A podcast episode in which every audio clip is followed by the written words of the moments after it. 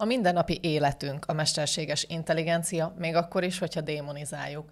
De vajon miért tesszük ezt? Félünk talán tőle, hogy helyettünk gondolkodik, és ezért állustul az agyunk. Ha az emberek programozzák, akkor miért csodálkozunk rajta, hogy egyáltalán emberi módon reagál?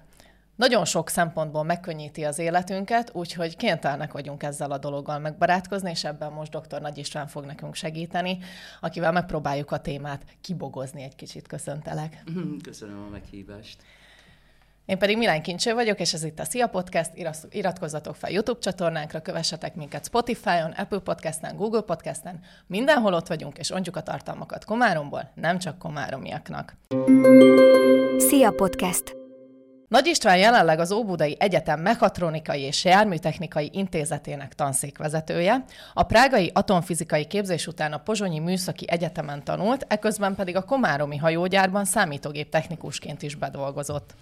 Az elmúlt 30 évben 24 nemzetközi előadást tartott többek között Finnországban, Kanadában, Egyiptomban, Görögországban, öt dokumentumfilm is fűződik a nevéhez, és számos tudományos értekezés jelent meg hazai és külföldi szaklapokban, angol, magyar és arab nyelven is. A Magyar Tudományos Akadémián részt vett a Mechatronikai Albizottság megalapításában, sőt, a Mars Rover navigációs rendszerének kialakítása kapcsán is figyelembe vették egy cikkét a lézeres és kamerás távolságmérés témájában. És akkor nagyon rövidre fogtam a felkonfot, de jól, mondom, jól mondtam mindent? Igen, igen, igen, köszönöm. Jó.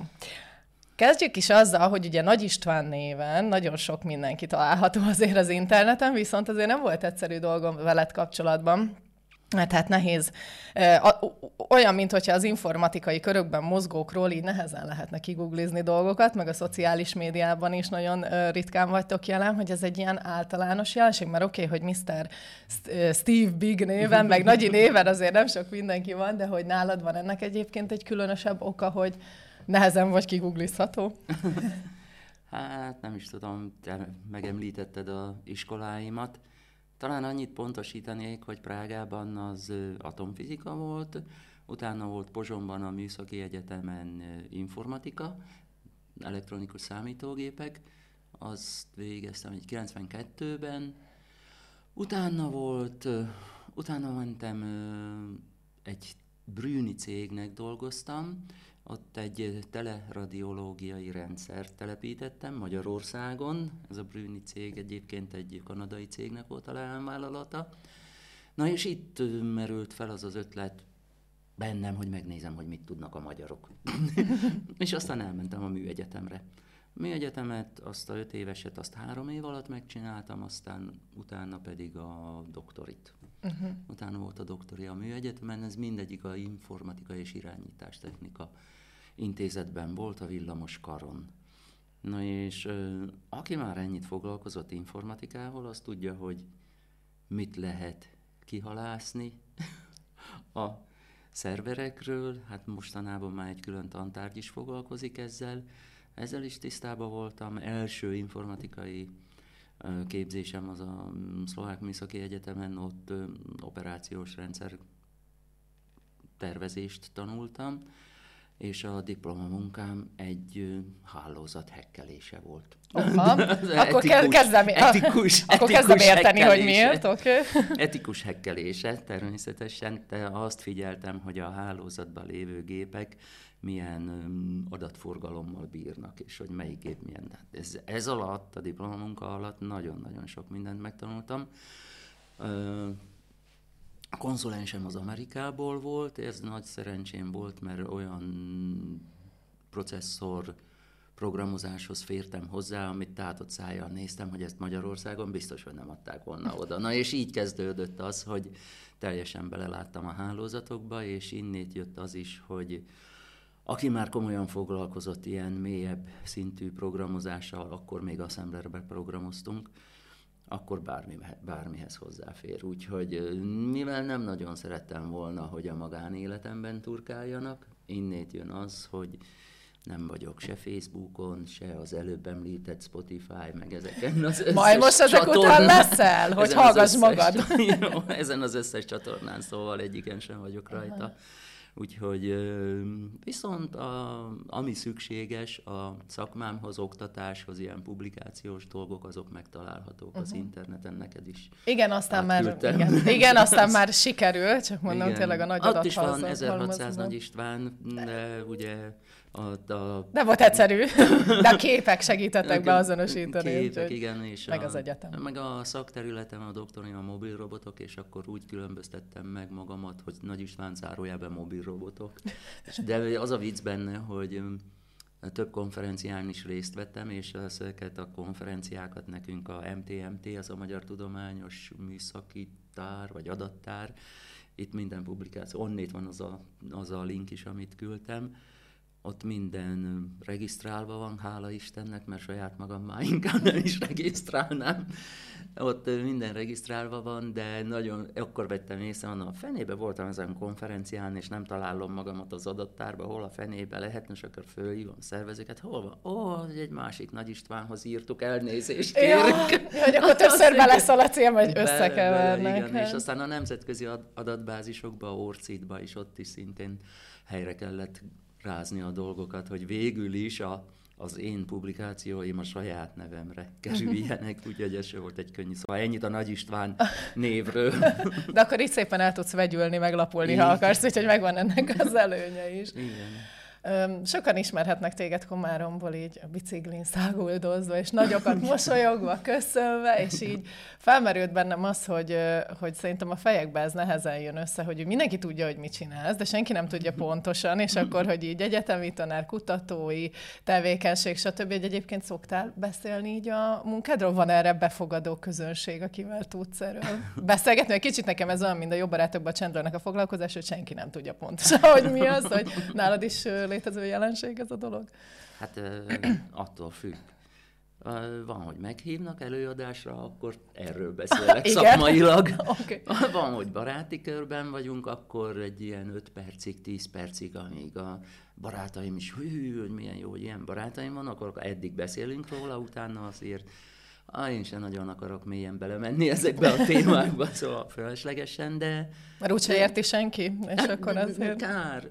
Van úgy, hogy találkozunk például barátaimmal, más egyetemekről jönnek szintén a Komáromi napok, meg vannak ilyen nagyobb események Komáromba, amikor mindenki hazajön Komáromba, és akkor összetalálkozunk, akkor van, úgyhogy... Akkor topzócot, hogy végre valaki érti, amit mondasz. Igen, ugye? jó, jó is találkozni, jó is találkozni ilyenekkel. A másik meg volt, nem tudom, a múzeumban volt egy meghívásom, miután volt a mm, World Trade Centernek volt az a katasztrófája, mert hát akkor nagyon szerencsém volt, akkor, akkor pont kint voltam Amerikába. Az augusztus 28-án jöttem haza, szeptember 11-én meg megtörtént. Akkor tényleg nagy szerencséd volt, hogy az a, a két És a vicc az benne, hogy a búcsú bulim az ott volt fönt. Ne. A, fönt ég van, és még videót is, videót is készítettünk. Nos, ennek apropóján... Azért megállt benned az ütő két hát, amikor később. hazajöttem, én nem is tudtam, hogy édesapám hívott, azt hiszem, akkor Balatonon voltam, a édesapám hívott, hogy, ah, hogy kitört a háború, ja, de apuka aludjon még egyet. Miket beszélsz, apu?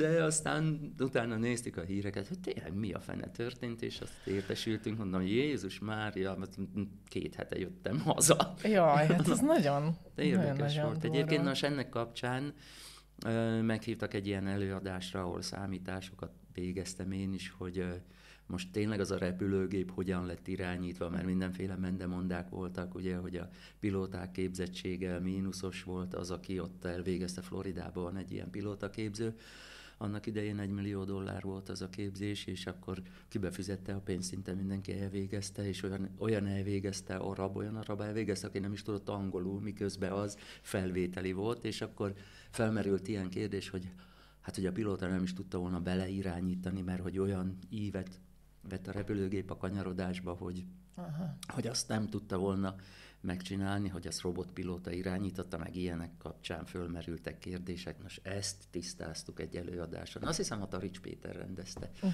vagyis szervezte. És mire jutottatok már most már érdekel, hogy, a, hogy így első kézben, mert hogy annyi minden dokumentumfilm született már ilyen pro-kontra, ki volt, nem. ki állt a háttér, vagy ti mire jutottatok? Nem szeretnék egyik oldalra állni, nem? és egyik Jó, oldalra akkor... se szeretnék beállni, de fizikailag azért be lehetett bizonyítani, hogy a íveket azért be lehetett venni, de minden esetre elég nagy G-terheléssel, ugye itt a 5G, néhány G-terheléssel járt a szervezetre.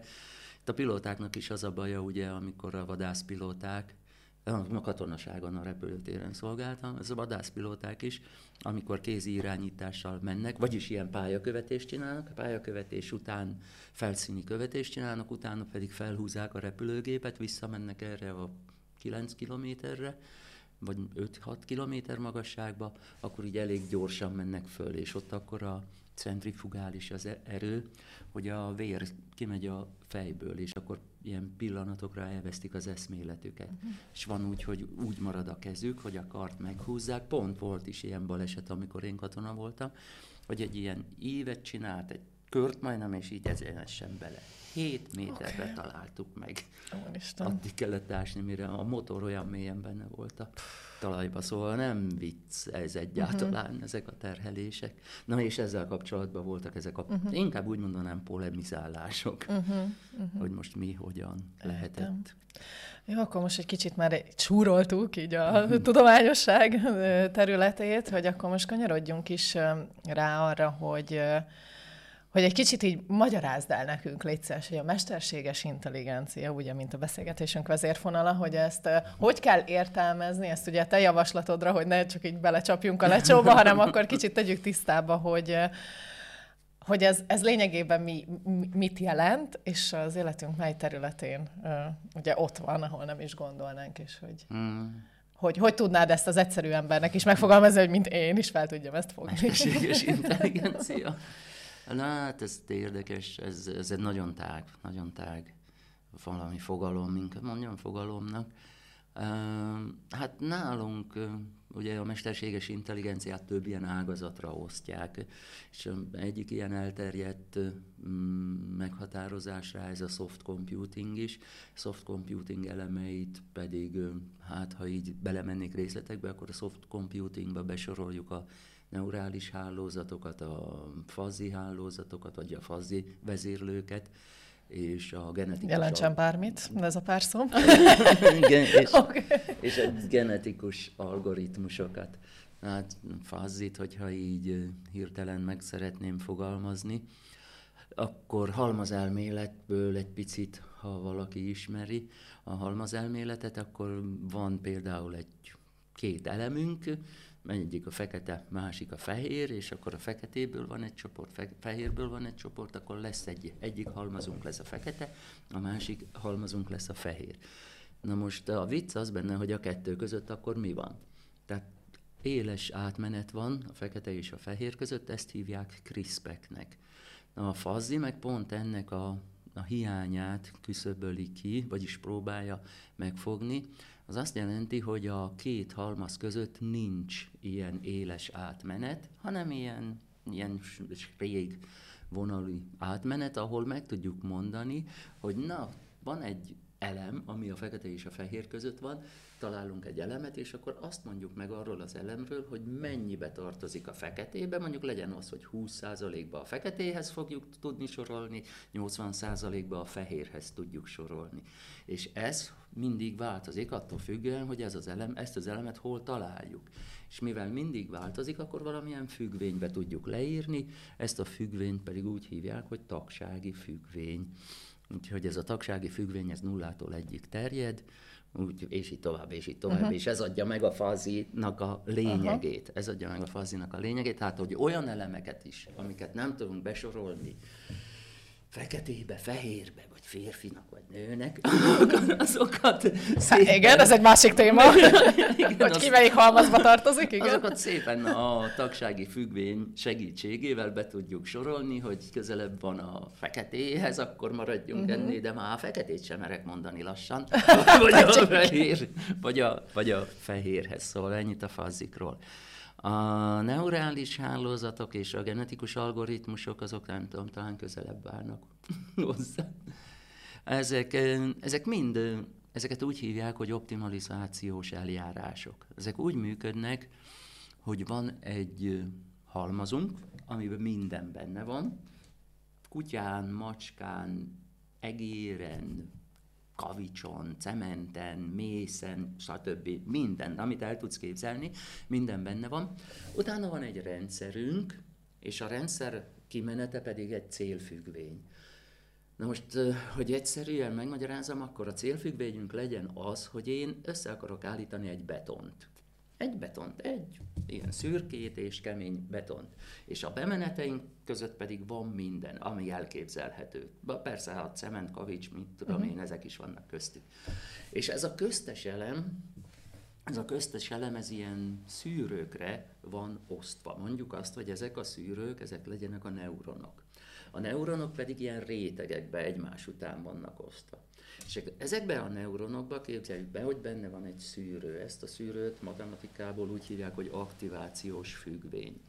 Na és ezekkel a szűrőkkel mi válogatjuk ki azt, hogy mely az az elem ebből a nagy halmazból, Ami amiből én megkapom a betont. Uh-huh. Tehát a többieket szépen kiszűri. Uh-huh. És én úgy szűröm ki a többieket, hogy súlyozom ezeket a összeköttetéseket ezek között a uh-huh. neuronok között.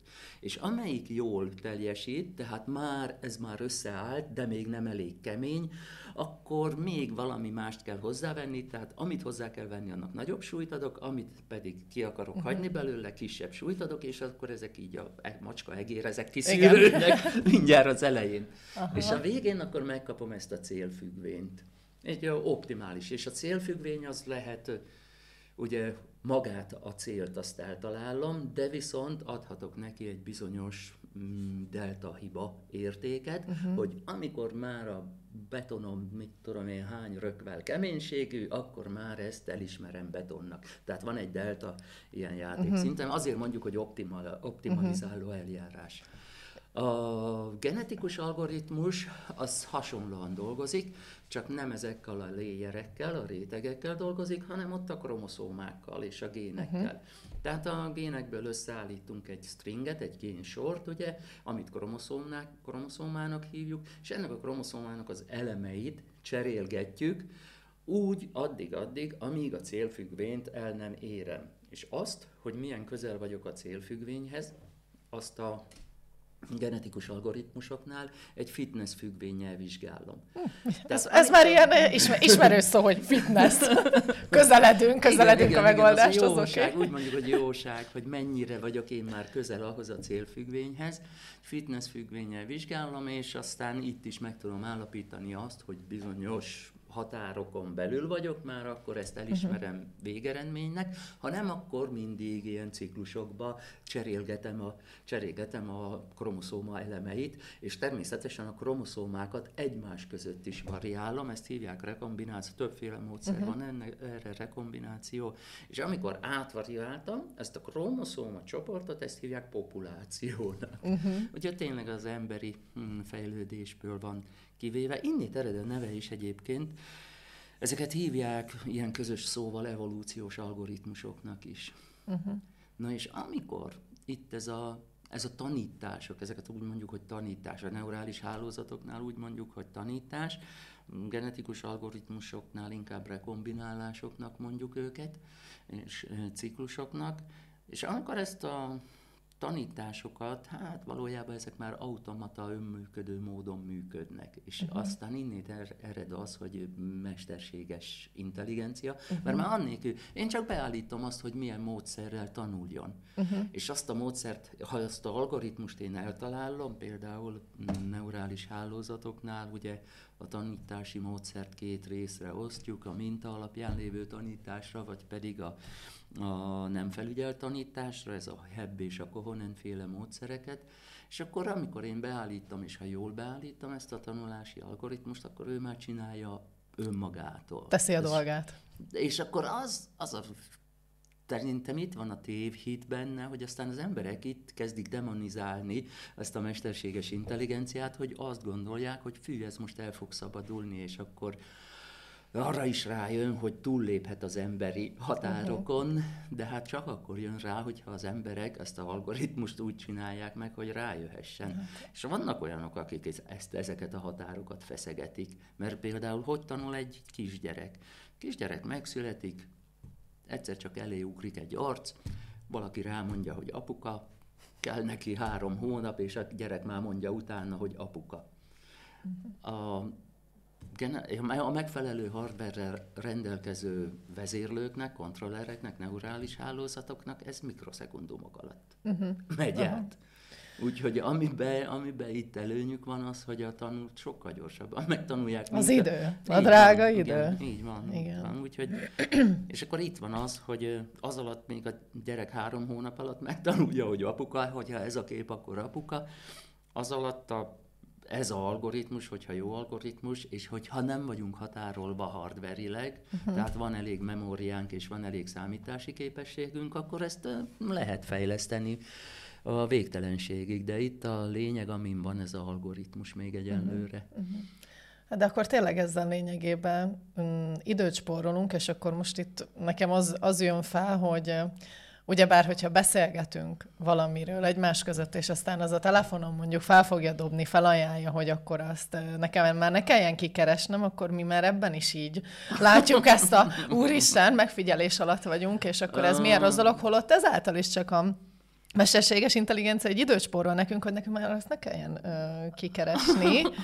ja. És hogy ezt, ezt már más podcastban is így, így hallottam megmagyarázni, hogy hát attól, hogy én nem kerestem rá, még az, aki nekem beszélt róla, ő rákeresett, és akkor a mm. GPS lokáció alapján, akkor nekem is így az alapján mm. átmegy, és akkor a feldobja, és hogy tulajdonképpen ezt most miért, miért tartjuk ilyen nagyon, nagyon rossz dolognak, hogy akkor minket megfigyelnek, nem, meg lehallgatnak, meg nem tudom. nincs rossz dolog. Nem itt kezdődik a rossz dolog. Hát nem, meg hogy ráadásul, hogy az ember sokkal érdekesebbnek hiszi az ő digitális tartalmait, mint amennyire mások ezt érdekesnek tartják, és akkor ezért is, hogy nem kellene mm. ettől félni, hogy Szerinted mi kell ahhoz, hogy az ember ezt így jobban elfogadja a mindennapi élet részeként, és ne ezt a rossz oldalát lássa benne, meg ne összesküvés elméleteket gyártson, hanem hogy lássa azt, hogy most, most nyilván, amit én a ChatGPT-vel mondjuk kikeresek, akkor az nekem időt spórol, és, és amit én az én kikeresek benne, azáltal őt megtanítom arra, hogy velem kapcsolatban már legyen egy információja, hogy mit nem én mit tanítod, keresek. Nem te tanítod meg. Én is, de én is tanítom? nem, én nem tanítom. Te, te csak a input adatokat adod meg, Aha. ő saját okay. maga. Ő saját maga megtanulja,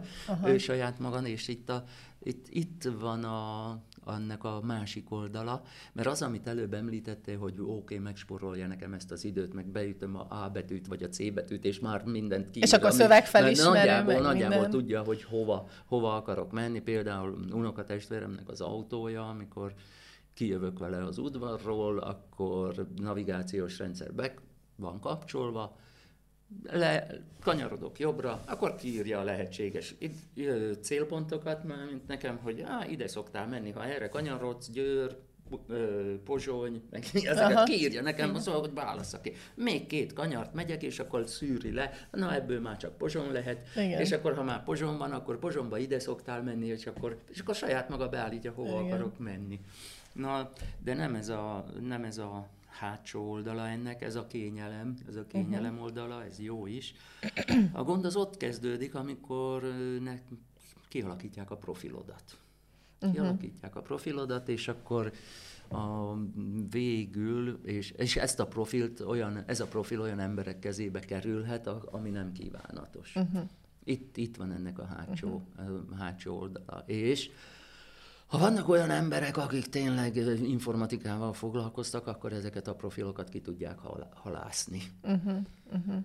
Úgyhogy itt van ennek a másik oldala. Az a kényelmi oldala, az természetesen uh-huh. szerintem azzal nincs is baja senkinek, uh-huh. hogy, hogy azt megcsinálják. És akkor honnan kezdődik az ezzel kapcsolatos visszaélés? Mert ugye itt még bejön ugye az, hogy kiszolgáltatottak vagyunk, de tulajdonképpen magunknak köszönhetjük, mert bepipálgatjuk a szerződési feltételeket, hogy ingyenes legyen, meg az adatainkkal fizetünk Igen. az applikációkért. Honnan kezdődik az a visszaélés, ami már veszélyt jelenthet a hétköznapi emberre? Mert oké, okay, hogy már mindenféle multimédiás tartalmakat lehet manipulálni, egyáltalán hmm. kiszűrjük-e azt, hogy az most egy manipulált tartalom, majd erre is rá fog később kérdezni, csak hogy hogy honnan kezdődik a visszaélés, hogy ki az, aki ennek a az áldozata lehet, hogy visszaélnek ezzel. Mm. Hogy, hogyha ezt ez, a szót használom, hogy visszaélés, akkor arra mit Igen, ez, ez, ez egész addig nem jelent semmi bajt, amíg ezek az adatok jó kezekbe vannak. Uh-huh. Úgyhogy ez addig, addig nem jelent semmi baj, csak épp az előbb a bevezetőben, amit elmondtam, hogy ha valaki tényleg komolyan vette az iskoláját, meg ilyen dolgokkal foglalkozik, akkor nincs előtte titok. Uh-huh. Úgyhogy Persze, hogy amikor mm, kipipálod azt, hogy beleegyezek a mit tudom én, a kukik, meg stb. Igen, ilyenekbe, igen. akkor abban benne van, hogy olyan szigorúan őrizzük az adatokat, ahogyan csak lehet, és pont az a baj benne, hogy ezekhez a internetes ilyen kukis felületekhez azok a legegyszerűbb hozzáférések. Nagyon uh-huh. egyszerű hozzáférések. És hát természetesen olyan mélyebb dolgok, például neked a telefonod, hogy aktiválódik, beírod a kódodat, PIN kódod van, vagy új lenyomat, vagy arcfelismerő. Uh-huh. Na és ezek közül bármelyik van, az egy adatbázisba tárolva van. Uh-huh. Úgyhogy ha neked itt már a új lenyomatra működik a telefonod, akkor az az új lenyomat nem csak a te, te telefonodban van, ebben uh-huh. nyugodt lehet. Csak hogy hogy lehet ezzel... Tehát, nem érnek vissza addig, amíg nem csinálsz olyan dolgot, hogy fölfigyeljenek a tevékenységedre, uh-huh. hogy finoman fogalmazzak. Addig Aha. semmi gondod nem. Tehát amíg csak az egyszerű pornéphez tartozok, addig nem kell aggódnom, de ha már mondjuk uh-huh. egy ismertebb, vagy mondjuk olyan tevékenységet folytatok, hogy akkor megfigyelnek, me- megfigyelnek. Akkor hamarabb, igen, akkor hamarabb visszaélhetnek Oké, okay, és um, ha már vissza... nem is élhetnek vissza, mert hivatalos szervek is hozzáférnek uh-huh. egyébként, ezeket lekérik, uh-huh. lekérik ezeket az adatokat. Na és hogyha már visszaélés, akkor hogyha nem is a magasabb körökbe, de mondjuk én egyszerű ember akarok valakinek ártani, és tényleg gyártok egy manipulatív tartalmat, azt egyébként lehet rajta látni, tehát, hogy aki az informatikai körökben mozog, az látja egy, te, tehát vannak erre árulkodó jelek, hogy ez most egy megkreált tartalom, és nem pedig egy valós tartalom, mert hogy ez amúgy az igazságszolgáltatásban nyilván felvetne némi uh, hatalmas kérdőjeleket, hogy akkor most egy bizonyíték mennyire lehet bizonyíték, hogy ez mennyire ilyen, ilyen velünk élő dolog, vagy mennyire lesz. Hát marad, most még maradjunk nem is. a iskola ügynél akkor, Igen? és maradjunk ezeknél a GP dolgoknál. Uh-huh. Ugye ez nagyon jó dolog, ezt is nagyon fölkapták. Első volt, azt hiszem Magyarországon a Győri Egyetem mindjárt, ú, GP csetek, a tanfolyamokat tartottak. Azt alig telt el fél év, és a gyerekek már a diplomamunkájukat GP csettel csináltatták, úgyhogy nem kell ilyen csodálkozni, valamit fölveszünk, az egyből rákapnak.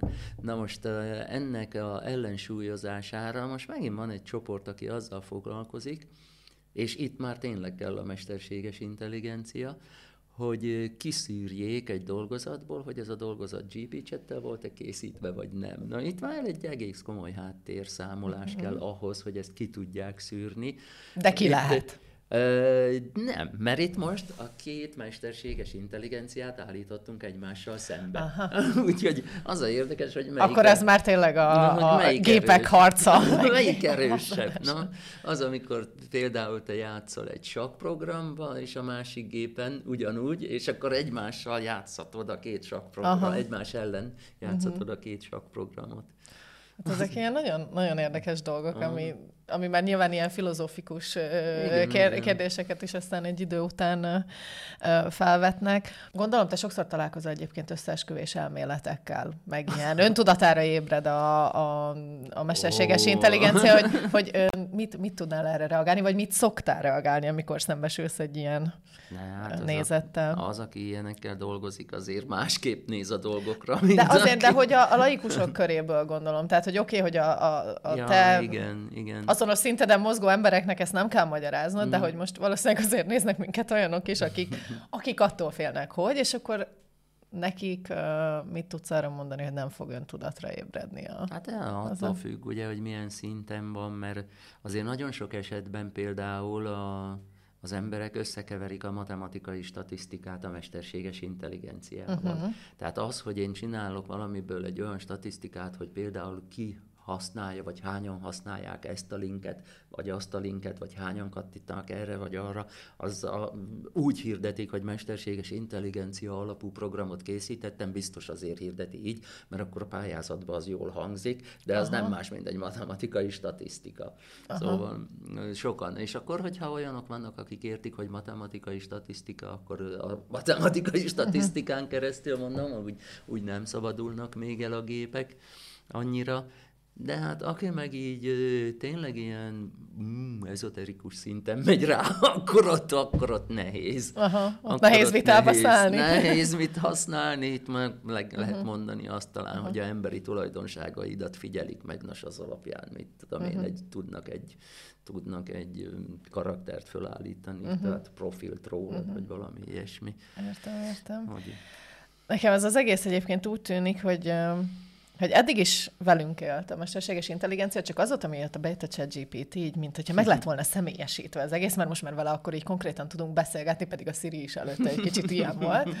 És hogy mennyire, engem az érdekelne főleg, hogy az alkotói folyamatokat ez mennyire fogja megreformálni. Mint újságíró, ugye, hogy honnan lehet majd aztán kiszűrni, hogy most akkor ezt tényleg én írtam, mert én, én speciál címadásra szoktam használni a ChatGPT-t, mert néha tényleg tök jó ötleteket ad, általában nem egy az egybe tudom onnan kimásolni. Uh-huh. Háttérinformációval kapcsolatban nagyon sokáig tart, mire leellenőrzöm, hogy tényleg valid információkat, tehát arra én, én nem, nem érzem úgy, hogy effektíven tudom használni de hogy fog egyáltalán érdekelni valakit késő, a későbbiekben az, hogy most az tényleg az én szellemi termékem, vagy a ChatGPT csinálta, vagy a fogyasztói társadalmat csak az érdekli, hogy az most tetszik, vagy nem tetszik.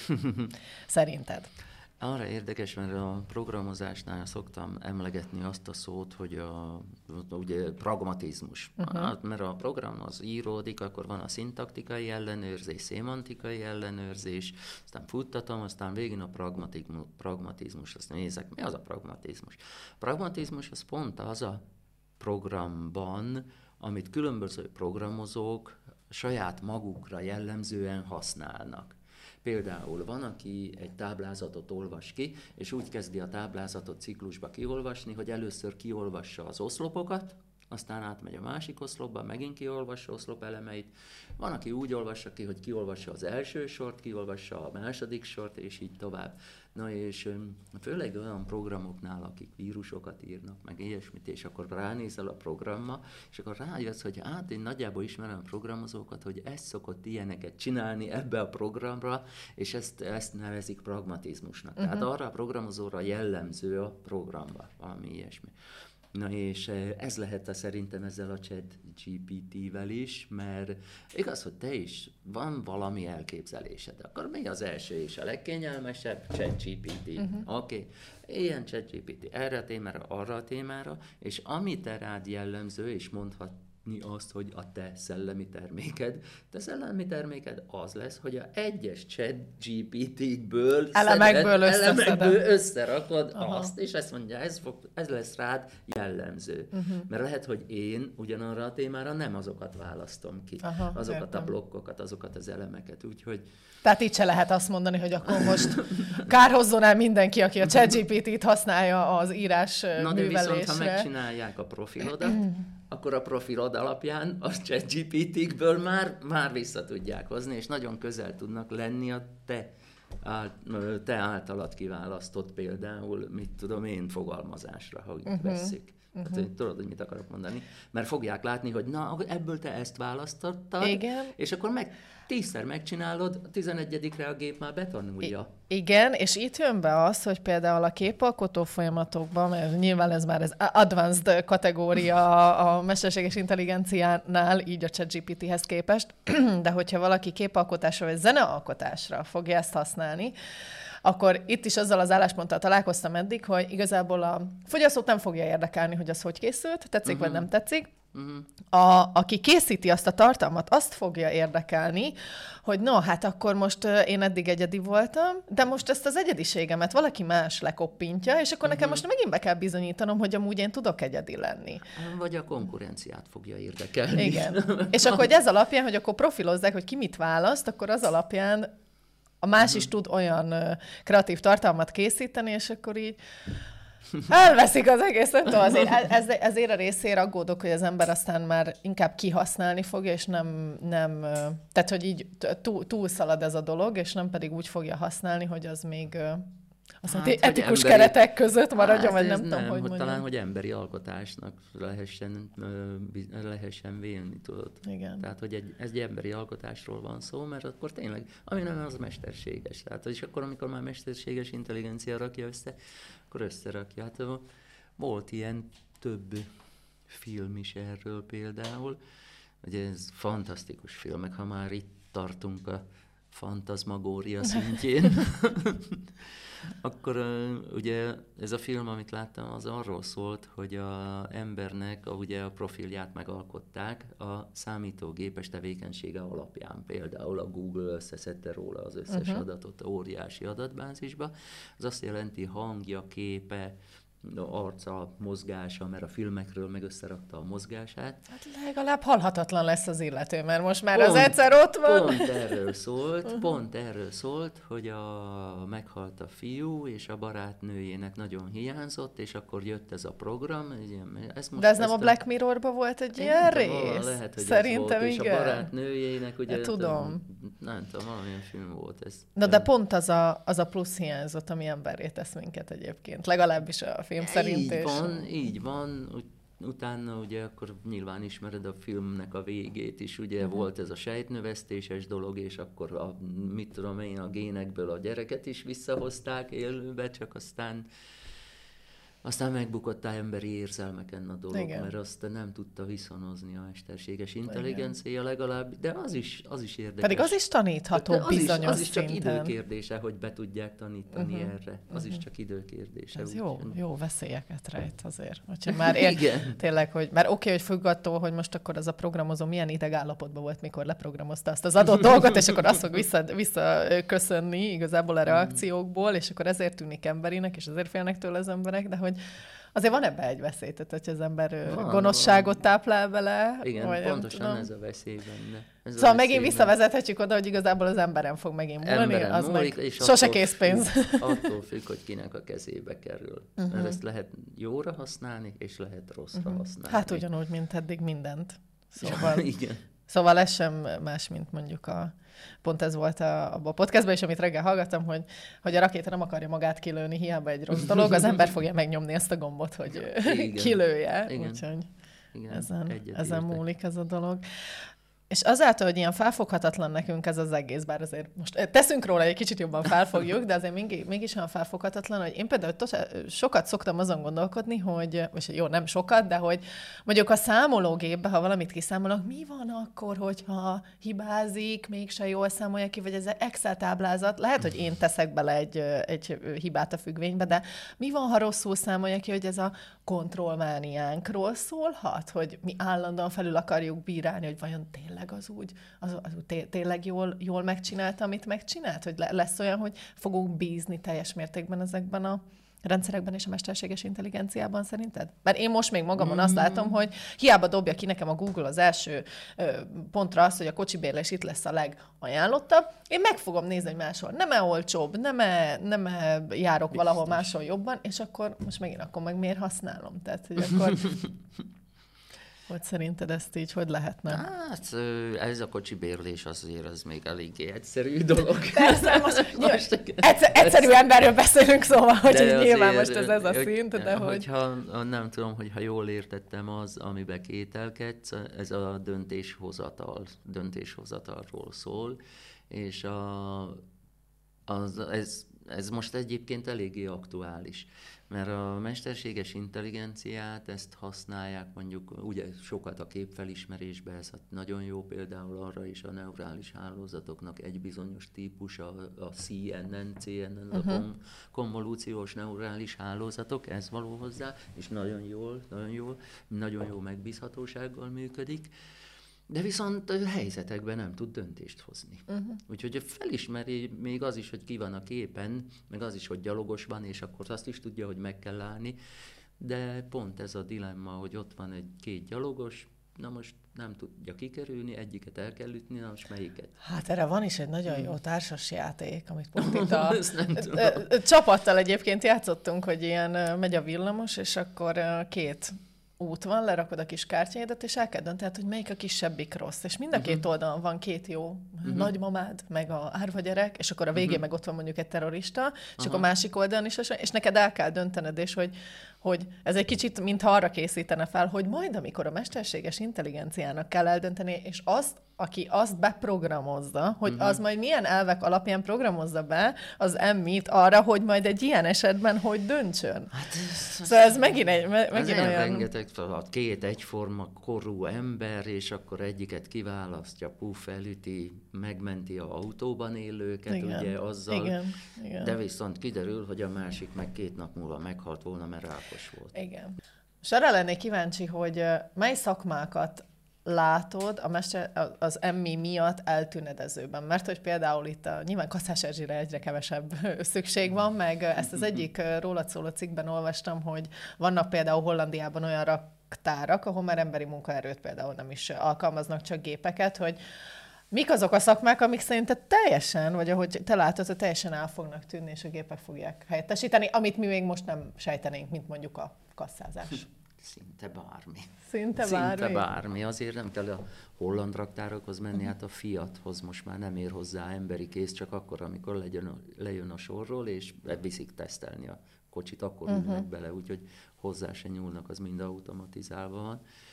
Hát én nem is tudom, bármit, bármit. Jó, e- e- ez válasz, csinálni. hogy bármit igazából. Bár én is gondolkozom, hogy milyen, hát végül is maradnak majd ezek a művészek, talán a festők, szobrászok talán, de a szobrászat is már olyan lesz, azt is meg lehet csinálni. Hát de 3D Festő- számítógépen már szobrot is fognak a, a, a, azzal hamarosan. bár, bármit, nyomtatni. bármit. Az 3D-s nyomtatással csinálnak szobrot, de na, érdekes. Na, igen, itt amit, amit figyelembe kell venni, ugye a, a felbontás, a pontosság, de én nem tudom, talán megmondom, talán a illatokat még nem tudják számítógéppel Á, kitalálni. érdekes, érdekes. De illatok, illatokkal kapcsolatban talán még Be ezek nem az ízeket már tudják, tehát kaját Ízeket már lehet azok kémiai nyomtatni. összetételük, de a illatok, az se fog sokáig tartani, hogy aztán megfejtsék, a, uh-huh. Hogy azt is, hogy a illatokat, tehát elhatárolni egymástól az ilyen illatot, olyan uh-huh. illatot, vagy másmilyen illatot. Én nem tudom, de lehet, hogy csak az én hiányosságom, hogy nem tudom, hogy ezt is már meg lehet No, különböztetni. piacirés, akkor lehet erre kidolgozni egy Nem, programot. mert ez, ezekhez, ezekhez azért kellenek a kémikusok, fizikusok, uh-huh. ezekhez a komoly, komoly háttér, komoly tudományos háttér van ezek mögött, és aztán amikor a tudományos képlete mondjuk megvan egy illatnak mondjuk, vagy matematikai képlete, onnan, onnit már jöhet az informatikus. Uh-huh. De először is ezeknek a képletét kell kitalálni. Uh-huh. Hát lehet, hogy megvan kémiában, nem vagyok nagyon. És, és akkor például, aki IT-ben dolgozik, hogy én nekem eszembe jutott az, hogy lehet-e olyan, hogy oké, okay, most egyre több uh, szoftverfejlesztő, programozó, tehát minden, ami ezzel kapcsolatos, arra szükség van, hogy eljöhet-e az az idő, hogy már a, mondjuk ahhoz, hogy ezeket a programokat, gépeket, stb. kezeljék, kell ember, aki ezt uh, leprogramozza, stb. Mi van akkor, hogyha már a hiba elhárításra is lesz program, és Persze, van. akkor van, de hogy lesz olyan, hogy annyira önjáró lesz ez az egész foly- folyamat, hogy olyan úgymond páros lábbal kirúgja maga alól a lábát a saját ember, és nem lesz rá szükség, mert mindent úgy beautomatizálunk, hogy, hogy már ma- magától fognak mű- működni ezek a folyamatok, és itt eszembe jut egyébként az, hogy van örökégő is, de a fogyasztói társadalomnak nem érdekel, hogy örök, örökégőkre fizessünk be, hogy akkor lehet, hogy itt ezért nem lesz veszély, mert azért kell, hogy ebben legyen biznisz is. Tehát, hogy ne, ne automatizáljuk túl annyira a dolgokat, hogy, hogy aztán már ne legyen szükség az emberre, meg a pénzére, meg az erőforrásokra. Itt ö, embereket fogják ritkítani, én szerintem. Uh-huh. Én szerintem itt az lesz, hogy nagyon sok mindent átvesznek a gépek, és utána emberek meg csak szaporodnak, ne, egyre És gépek lesznek arra, hogy az embereket nem, megritkítsák. Nem az lesz a baj szerintem, ha már így filozófálunk, hanem a fehérje hiány. Aha. nem lesz mit enni, meg nem lesz mit inni. Uh-huh. És De a... majd nyomtatunk 3D-s nyomtatóval. Egy embert. Vagy kaját. De kaját, kaját, meg akár embert. Tehát, hogy... Nem, nem, nem. Szerintem az lesz itt a élő erővel a baj, hogy előbb-utóbb rájönnek a túlnépesedésre, és aztán utána be kell szabályozni. Szerintem előbb-utóbb. A uh-huh. Föld ennyit bír el a kapacitásba, én nem tudom, hogy akkor, hogy vagy jön egy háború, vagy én nem tudom. Uh-huh. Szóval De valami történni fog. Valami történni fog. Úgy, uh-huh. előbb-utóbb jönnek háborúk, ilyen olyan járványok, Covid-féleségek. Ja, valami hasonló. Covid-féleségek, de itt, itt az lesz aztán a baj. A másik, a, egyenlőre a mesterséges intelligenciával is, mint ahogy említettem, a döntéshozatal a legkeményebb dió.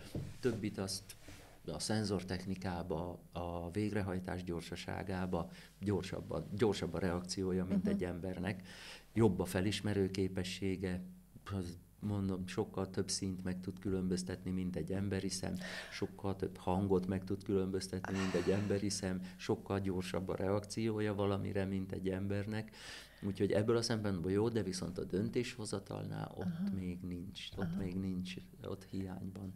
Igen, mert hogy egy gép amúgy kevés, kevesebbszer is hibázik, és akkor lehet az, hogy tévedni csak emberi dolog, és nem feltétlenül gépi dolog, úgyhogy ezért itt is, itt is bejön a, a Kevesebbet, így van, így van, a gép az kevesebbet hibázik, de ha hibázik, És mégis mi félünk tőle. Hibázik, akkor akkor hibázik, hogy... Ja, hogy akkor meg nagyobb volumenűt hogy, hibázik. Aha. Hogy leesik az állunk tőle. Aha. Úgyhogy e, e, ezt, ezt, e, vannak ezek a megbízhatósági számítások mindenféle rendszereknél, uh-huh.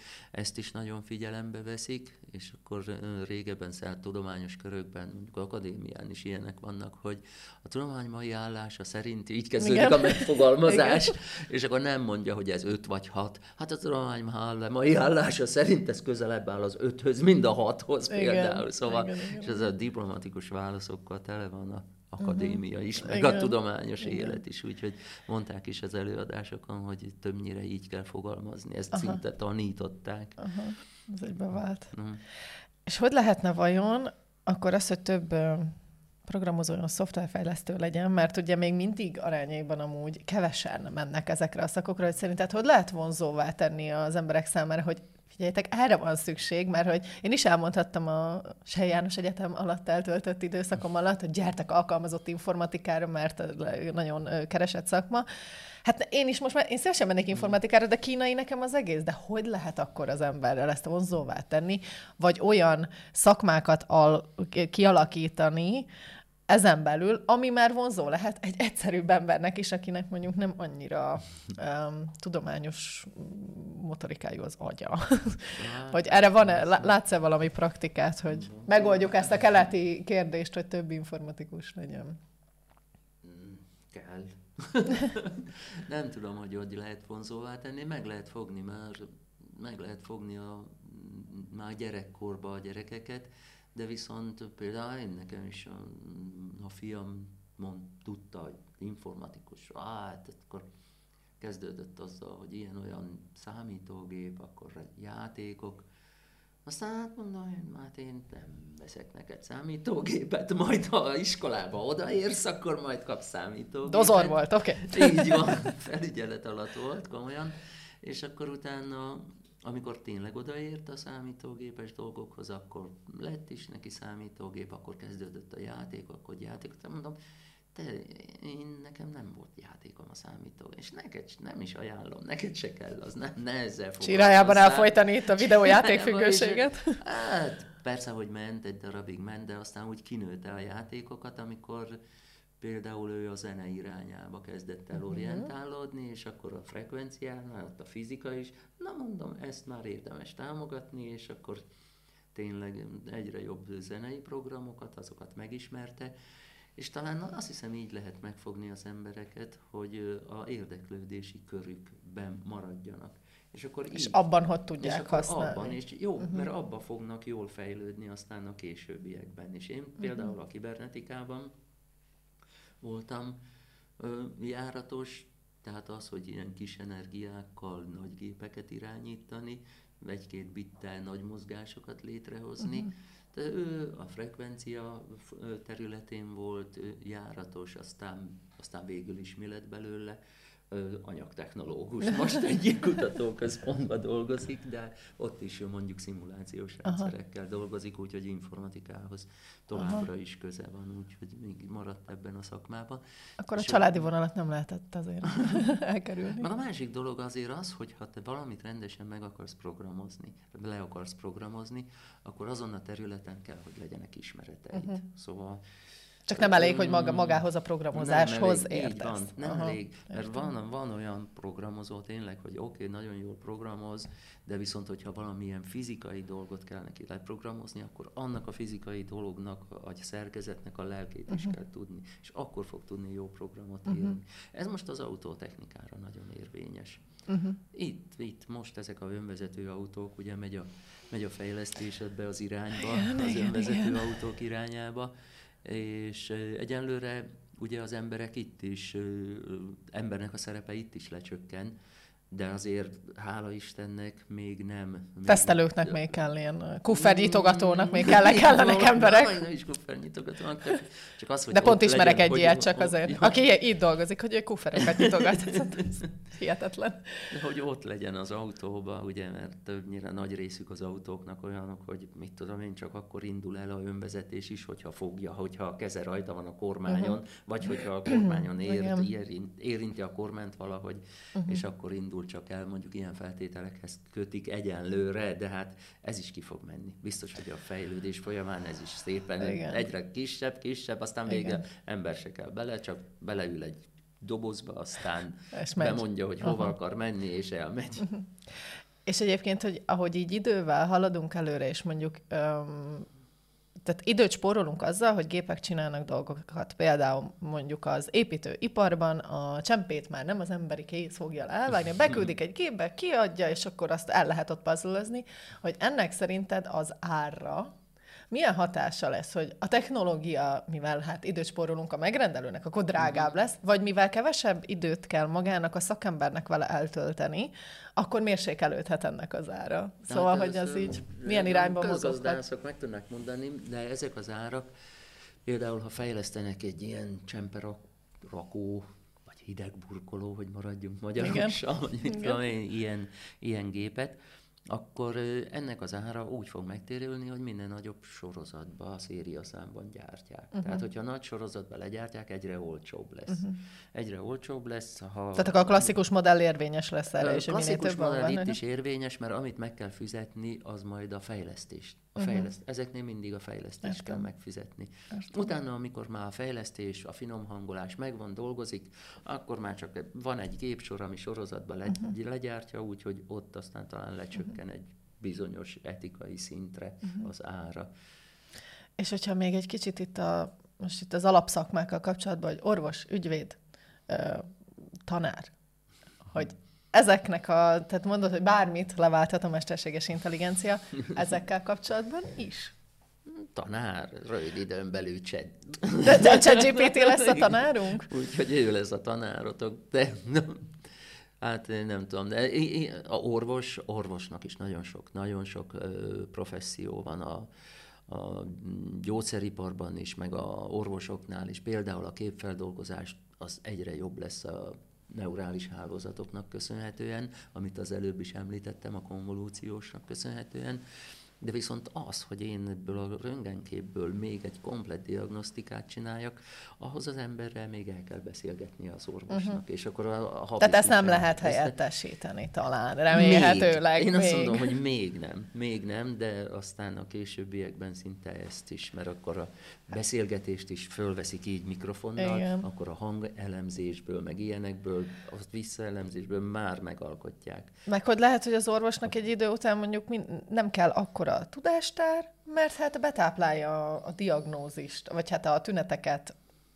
a rendszerbe, és majd akkor az kiadja, hogy nekem mi bajom van. Ah, szóval, így, hogy... így, van ez egy, így van ez egy rendszer, egy adatbázis, amiben a mesterséges intelligencia működik, de pont az, egy, egy cseh film jutott eszembe, aki ott volt az orvos, és akkor jöttek hozzá mindig az idős páciensek, és akkor mondták, hogy jaj, hogy ez a baj, nem tudok aludni, ezt nem tudok, azt nem tudok, és ott meg az volt az előnye az orvosnak, hogy ez egy kis közösség volt, egy falu, és a orvos szinte személyesen ismert mindenkit. Uh-huh. És akkor tudta, hogy nem tud aludni, hát akkor ez nem az, nem, a, a, a, ne, nem, nem halálos beteg, nem, nem halálos beteg. csak lehet, hogy hipochonder mondjuk. Így, így van, többnyire ismerte uh-huh. őket, hogy mennyire hipochonder, úgyhogy uh-huh. ez, hogy ezt még nem ismerik, de pont a adatbázis, ami összegyűjti az embereknek a profilját, és akkor lenyomják a orvosoknak, a körzeti orvosoknak, az adatbázisból már fogja ismerni minden ember.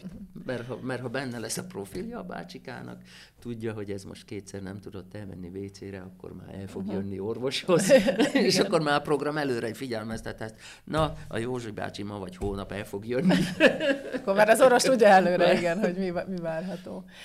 És még egy kicsit a tanári létre, hogy azért három oktatási rendszerhez volt szerencséd így a cseh, szlovák, meg a magyar Igen. oktatási rendszerhez, hogy így a tanárnak a szerepét egyébként így hogy látod változni? Ez annak idején ez úgy indult, amikor uh, ipariba jártam, és Igen. aztán utána, hát először még nem is akartam, mennyi főiskolára, osztályfőnököm hozott egy papírt, már mindenki jelentkezett, csak te nem. Val- nem akartál. Val- valahova menjél, jó? Hogy mondom, honnét? Miből lesz a cserebogár, ugye?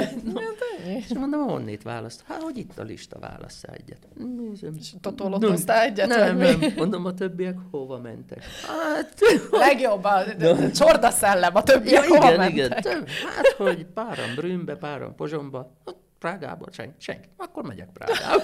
és akkor, akkor pont, hogy nem a csorda szellem, oké. Okay. Nem, nem, nem, és akkor így lehet. De jó is volt, én uh, eredetileg uh, letadlová technika, tehát repüléstechnikára jelentkeztem uh-huh. Prágába, és tudtam, egyes-egyes lett a föld, matek, fizika, meg politikai beszélgetés volt akkor, és ezt amikor volt a politikai beszélgetés, akkor kérdeztem, mondom... Mármint ez felvételin? Vagy? Ez a felvételi okay. volt, és akkor kérdeztem, hogy ilyen, ilyen kisztagos vagy szíztagos volt, aki okay. politikából rázott bennünket, aztán kérdeztem tőle, hogy nem tudja a jegyeket véletlenül. De hogy tudja. Megnézte, ő mondta, hogy egyes, egyes. Hát aztán mondja ő, hogy akkor nem is kérdezek semmit, csak azt, hogy akarsz menni brigádra, vagy nem. Komló brigádra. Hát mondom, menjek vagy ne? Mondom, hát hogyha akarsz koleszt, akkor menjél, ha nem, akkor nem menj. Mondom, jó, akkor megyek. Na és aztán utána ugye mentek a főiskolák, és akkor mondtam a szüleimnek, hogy hát anyuka, ahány főiskolát csinálok, vagy egyetemet, azt mind máshol akarok csinálni. És így Aha. is lett. És milyen jó, hogy akkor így megtapasztaltad. És aztán így van az a három, három rendszer, amúgy nagyon érdekes, nagyon érdekes. Prága az ugye az olyan volt, hogy első Hát ott Prágában azt nem fejeztem be, azt hozzá kell tenni, bocsánat, mert... Hát, ez kimaradt, hogy Na, azt nem, mert mondták, hogy a első szemesztert, ha elvégzem, akkor átléphetek a repüléstechnikára. Jó, elvégeztem. És hazudtak. És hazudtak. Akkor mondták, hogy a másodikat, ha elvégzem. Jó van, akkor elvégeztem. Másodikat, Csőbe aztán mondom, jó, hát akkor ilyen. most már kész, annyi. Jó, elég volt. És aztán utána mentem Pozsomba, vagyis utána volt két év katonaság, Utána mentem Pozsomba, és akkor Pozsomba mutatom, hogy ez van, hogy ezzel, hogy hova jelentkezhetek. Nézi a hölgyiket, néz, ha ezzel akárhova. aztán, aztán akkor őtőle is, akkor hova jelentkezek? Hogy most nyílik ez az elektronikus számítógépek és programozás, hogy az a legjobb, akkor oda. Mondom, jó, akkor oda. Nos így, uh-huh. no a többit azt már elvégeztem. Úgyhogy így okay. lett ez. És aztán még a néhány ösztöndíjat Egyszer voltam Nottinghambe egy fél évet, aztán meg New Yorkba voltam a uh-huh. New York Csak University. helyeken. A okay. helyeken. No, és akkor, ja, még Oxfordban, mikor a... Ja, csak úgy mellékesen Oxfordban is. Nottinghamben, mikor voltam, akkor hétvégenként Oxfordba jártam ilyen kurzusra. Az is jó, nagyon ne, jó ne. volt. Ne. Na és akkor összehasonlítva ezeket a oktatási rendszereket, a mesterséges intelligenciával, a bejövetelével, igen. az, hát Prágában nem volt. Prágában olyan volt a tanárom, behozott öt könyvet, ilyen vastagot, azt mondta, hogy szemeszter végére ezt tanuljam meg, és akkor ebből fogok vizsgázni. Néztem, mondom, micsoda, hát el tudom olvasni. Aztán hát párszor megyek, konzultálni, hogyan? Aztán elkezdte mondani, hogy nem. Azt kell megtudni először, hogy mi a fontos. Uh-huh. És akkor, ha megtudod, hogy mi a fontos abból a részből, akkor azt kell csak megtanulni. És ott nagyon sok, mindenhol szinte olyan jó tanácsokkal láttak el, és akkor utána jött a Pozsonyi Egyetem, a Pozsonyi Egyetem is nagyon jó, hát az tényleg jó volt, az akkor kezdődött az a szakirány, és nagyon jó tanárok uh-huh. voltak. Nagyon jó tanáraim voltak, és nagyon sok elméletet vettünk. Uh-huh. Nagyon sokat. És a, az, jó, mondtam, hogy hogyan végeztem diplomamunkámat, és aztán jött a Magyarországi Egyetem, ott meglepődtem.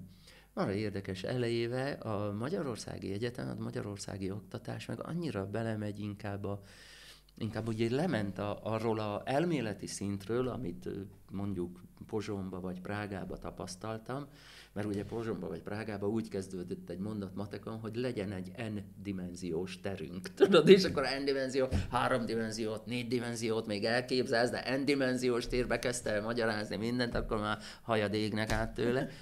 És a Magyarországban meg nem n-dimenziós térbe, hanem először a egy dimenzióba, két dimenzióba, aztán utána mentek így fölfelé Aha. az elméleti szintre.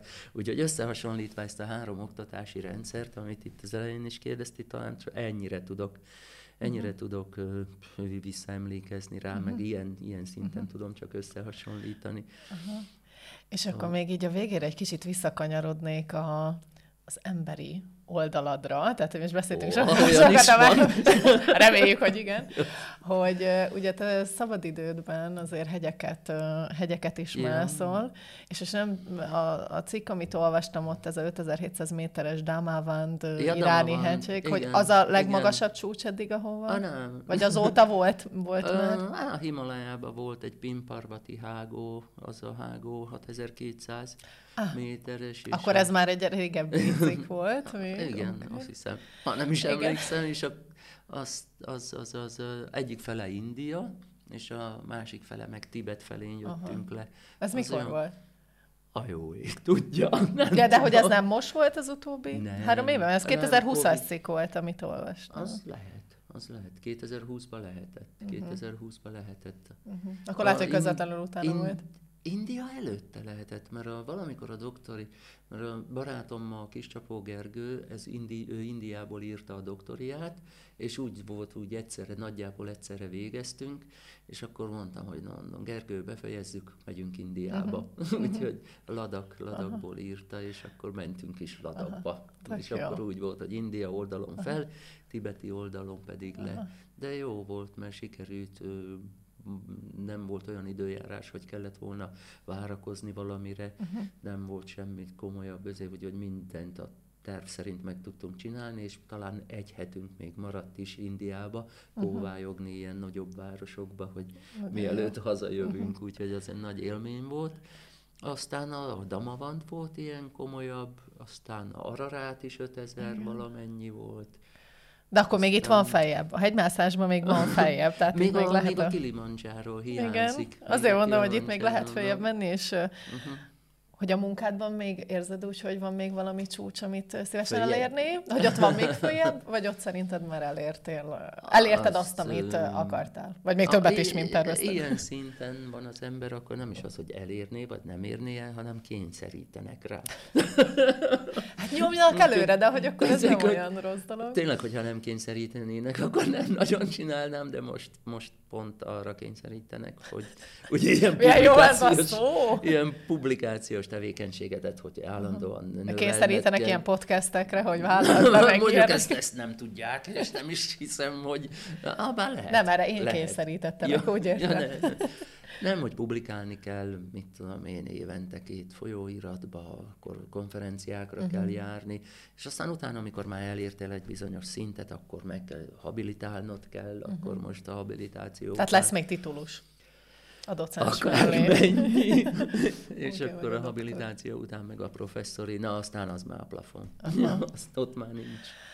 Ja, de hát kívánom neked, hogy ezeket még akkor így, még a Kilimanjárót is, majd akkor ezeket a titulusokat is, hogy így elérd, és nagyon köszönöm, hogy vállaltad a beszélgetést, mert nagyon nehéz dolgom volt, hogy az hmm. informatikus lelkek közül valaki az arcát és a, a, a szavait adja ehhez, mert valahogy így el akarnak tőle határolódni, és így nem nagyon értem de, de nagyon szépen köszönöm, hogy, Nagyon szíves. hogy beszélgethettünk. És uh, nagyon modern uh, ez a téma ugye a mai világban, és nagyon remélem, hogy nem csak nekem adott sokat, és mások uh-huh. számára is uh, sikerült egy kicsit uh, közelebb hozni ezt a dolgot, és így próbáltuk így a nagyinak a, az életútjával együtt így keretbe tenni a mesterséges intelligencia témáját, úgyhogy köszönjük, hogy kibírtátok ezt a hosszúra sikeredett podcastet, és ne felejtsétek el feliratkozni, mert jövünk még nagyon nagyon izgalmas tartalmakkal remélhetőleg, úgyhogy sziasztok! Még egyszer köszönöm a meghívást, és sziasztok!